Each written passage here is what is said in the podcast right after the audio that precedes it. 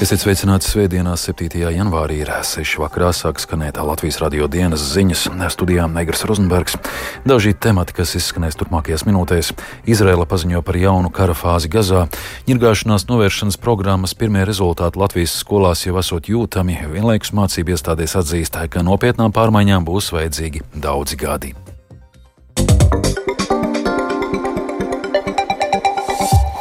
Apritējuši jau trīs mēneši kopš grupējuma Hamas, ko ASV un Eiropas Savienība uzskata par teroristisku, asiņainā iebrukuma Izrēlā, un uz ko Izrēla atbildēja ar plaša mēroga militārajām operācijām Gazas joslā. Karā nogalināti tūkstošiem Gazas civiliedzīvotāji, bet vēl simtiem tūkstoši zaudējuši mājas. Neraugoties uz starptautiskās sabiedrības aicinājumiem pārtraukt karu, Izrēlas līderi apņēmušies panākt savu mērķi pilnībā iznīcināt Hamas. Vairāk Ulda Ķezbera sagatavotajā ierakstā. Izraēlas ofensīva Gazas joslā sākās pēc tam, kad tūkstošiem Hamas teroristu 7. oktobra rītā negaidīti iebruka Izraēlas dienvidos un nogalināja 1200 cilvēku, pārsvarā civiliedzīvotājus. Vēl 240 cilvēkus nolaupīja un aizveda uz Gazu. Daļu no ķīlniekiem atbrīvoja, bet teroristu gūstā joprojām ir vēl vairāk nekā 120 cilvēku. Kara pirmajos mēnešos Izraēlas aizsardzības spēku operācijas koncentrējās Gazas ziemeļos, un vakar armija paziņoja, ka tur ir pilnībā iznīcināta Hamas militārā komandstruktūra. Līdz šim Izraēla esot nogalinājusi aptuveni 8000 Hamas kaujinieku. Turpmāk Izraēlas militārās operācijas norisināsies galvenokārt Gāzes centrālajā daļā un dienvidos. Izraēlas armija apgalvo, ka zem Gāzes joslas otras lielākās pilsētas Hāņūnisas atrodoties plašs Hamas tuneļu tīkls, kas būs jāiznīcina. Tāpēc ir skaidrs, ka karš turpināsies vēl mēnešiem. Arī Izraēlas premjerministrs Benjamins Netanjahu šodien lika saprast, ka karš Gazā tik drīz nebeigsies. Viņš arī brīdināja Libānas radikālo kustību Hizbullah neiesaistīties karā. אסור לעצור את המלחמה עד שנשלים את כל יעדיה. Karš neapstāsies, līdz mēs uzvarēsim. Karš nedrīkst apstāties, kamēr mēs nesasniegsim visus tā mērķus - Hamas likvidēšanu, visu mūsu ķīlnieku atbrīvošanu un solījumu, ka Gaza vairs neradīs draudus Izrēlai. Es to saku gan mūsu ienaidniekiem, gan arī mūsu draugiem. Tā ir mūsu visu atbildība un tā ir mūsu visu apņemšanās.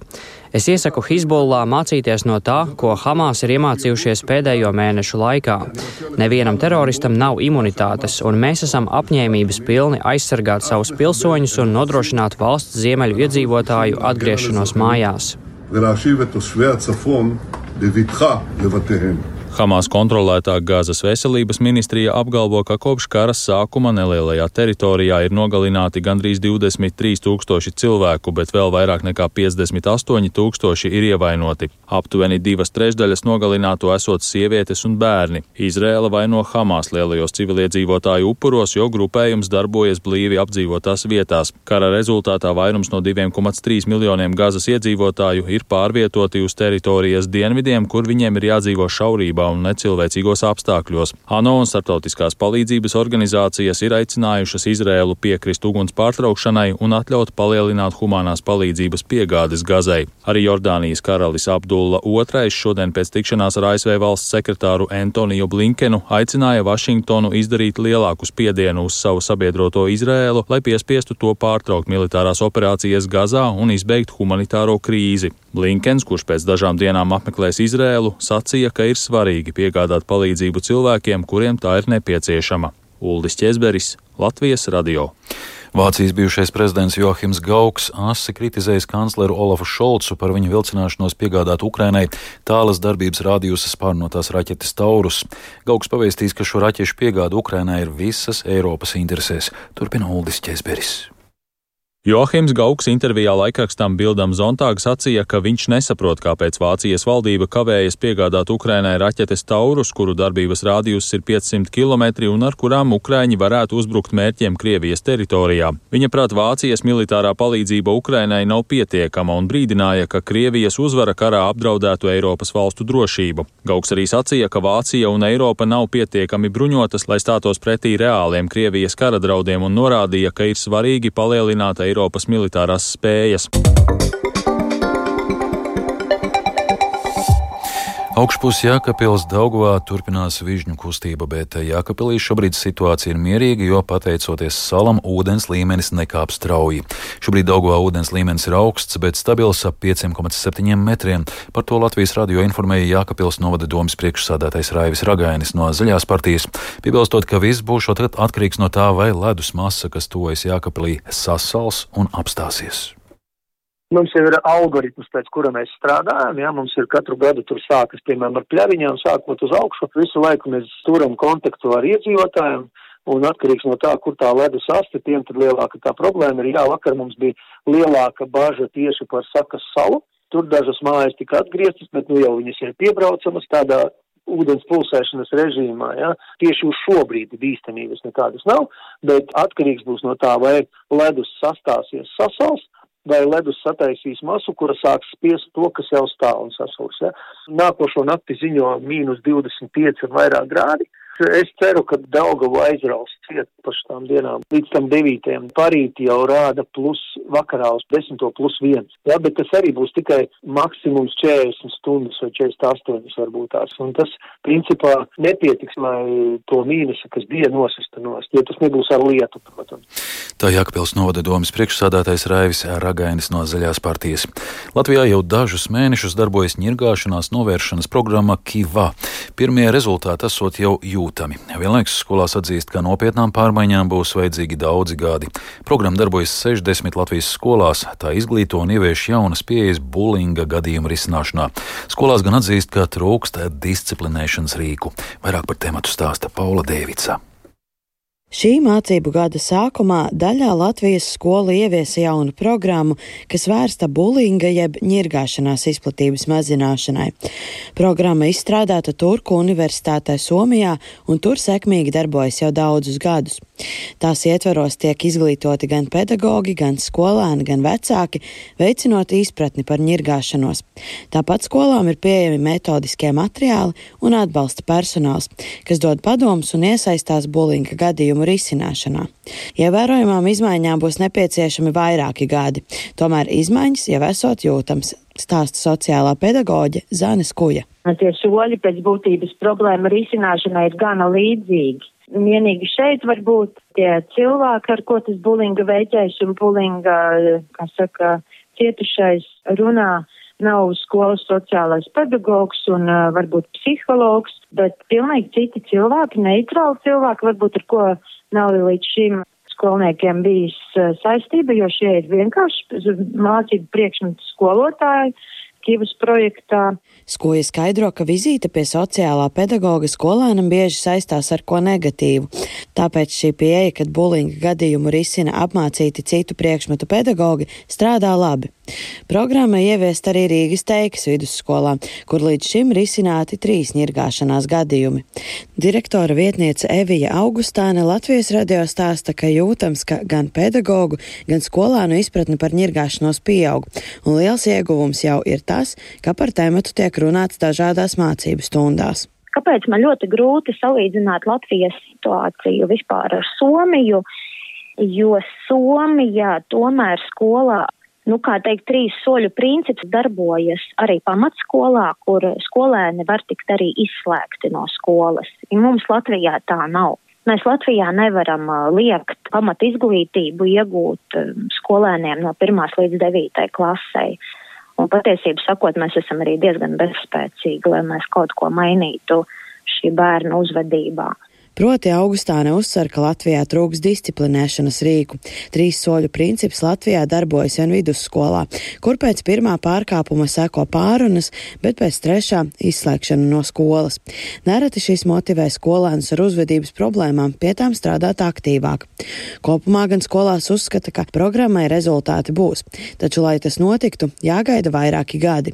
Piemēram, Somijā ievērojama ņirgāšanās samazināšanos panāca tikai pēc 15 gadiem. Kopš programmas ieviešanas.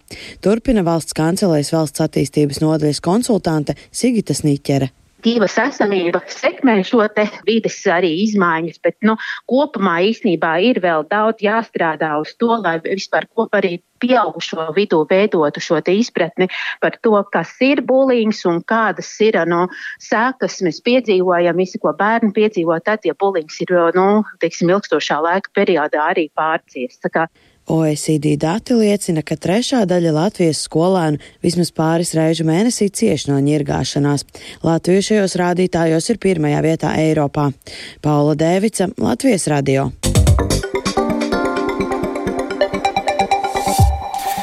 Turpinājumā par sportu negaidīt izcilu panākumu kalnu slēpošanās šodien sasniegusi 20 gadus vecā Dženifera Ģērmane. Viņa pasaules kausa slaloma sacensībās Slovenijā izcīnījusi 12. vietu, un tas ir Latvijas lielākais sasniegums kalnu slēpošanā kopš neatkarības atjaunošanas. Tāpat izcils starts padevies arī distanču slēpotājai Patricijai Eidukai, kura turdeski pēdējā posmā finišēja 5. vietā. Par šīs dienas notikumiem ziemas sportā plašāk pastāstīs Rēnis Grunspeņķis, kurš pievienojies studijā. Sveiks! Sveiks, Aigar, labvakar, klausītāji! Nu, diena izcila sasnieguma šodien Latvijas slāpotājiem. Kalnu slāpošanā Dženifera Ģērmane. Viņa pasaules kausā jau bija debitējusi gandrīz tieši pirms gada, bet šodien Kraņska Gorā Slovenijā bija viņas trešais posms karjerā. Pagājušajā nedēļā Austrijā Ģērmane jau sagādāja ļoti patīkamu pārsteigumu, izcīnīdam 22. vietu slalomā. Taču šodien izdevās vēl krietni labāks sniegums. Pirmajā braucienā starp 66 dalībniecēm Latvija uzrādīja 23. rezultātu, kas ļāva kvalificēties otrajam braucienam. Tajā ģermane starp visām slāpotājām uzrādīja pat piekto ātrāko laiku, kas summā ļāva izcīnīt 12. pozīciju. Ģermane tikai par 2,23 sekundēm atpalika no uzvarētājas Slovākietes Pētras Vulhovas. Plašāk par izcilo panākumu Latvijas radio pastāstīja Dženifera Ģermane. Nu, godīgi sakot, pēc otrā brauciena bija mazliet nebija apmierināta ar savu braucienu pēdējo daļu, un iebraucot finišā, es redzēju sarkano gaismiņu, un tad nebija baigi priecīgi, bet pēc kādu laiku es stāvēju un redzēju, ka tas laiks turpināja stāvēt kā, kā otrais, un daudz, daudz meitenes nenobrauc baigi ātrāk, un turpināja tikai kāpt uz augšu uz augšu un augšu. Bija tāds liels pārsteigums, bija mazliet šokā, vēl joprojām esmu mazliet šokā Ai, man, man telefons ir tik pilns, man liekas, ka es ne, visiem pat nemaz nevarēšu atbildēt, bet, uh, bet diezgan daudz apsveikumu un, uh, jā, liels paldies visiem, kas uh, varbūt, ja es kādam neatbildēšu. Tālūk, Dženifera Ģermane ikdienā viņa treniņus aizvada Austrijā un Itālijā. Augstāk pasaules kausa posmos PSRS laikā ir tikusi viena sportistas māma Ulla Ģermane, tolaik Ulla Lodziņa, vairākas reizes iekļūstot labāko 15. un reizi izcīnot 4. vietu. Janvārī Dženifera Ģermane vēl plāno piedalīties pasaules kausa posmos arī Flahavā un Jasnā. Savukārt distanču slapotāja Patricija Eiduka Itālijā Tour de Ski pēdējā posmā 10 km brīvā stila distancē ar kopēju startu finišēja augstajā 5 vietā, atkārtojot savu karjeras rekordu pasaules kausa posmos. Viņa finišā par 41 sekundi atpalika no uzvarētājas Sofijas Lauklī no ASV. Pēdējā trešdaļā no distances sportistas devās augšup kalnā pa Alpe Čermis kalnu slēpošanas trasi. Vēl pie 7,5 km atzīmes Eiduka bija 15. vietā, taču augšup kalnā krietni uzlaboja savas pozīcijas, daudzas konkurences apsteidzot fin un finišēdam 5. Turdeski kopvērtējumā Eiduka ierindojās 8. vietā, kas ir jauns karjeras rekords. Un vēl šodien pasaules kausa posmā kamaniņu sportā Winterbergā bronzu vieninieku sacensībās vīriešiem izcīnīja Kristers Aparjots. Eh, par sportu man šobrīd tas tad arī viss. Paldies, Rēni! Dzirdējāt Latvijas radio dienas ziņas, producenta Vija Brēmze ierakstus montēja Kaspars Groskops, par labskaņu rūpējās Katrīna Bramberga studijā, Egars Rozenbergs vēl tikai īsumā par svarīgāko.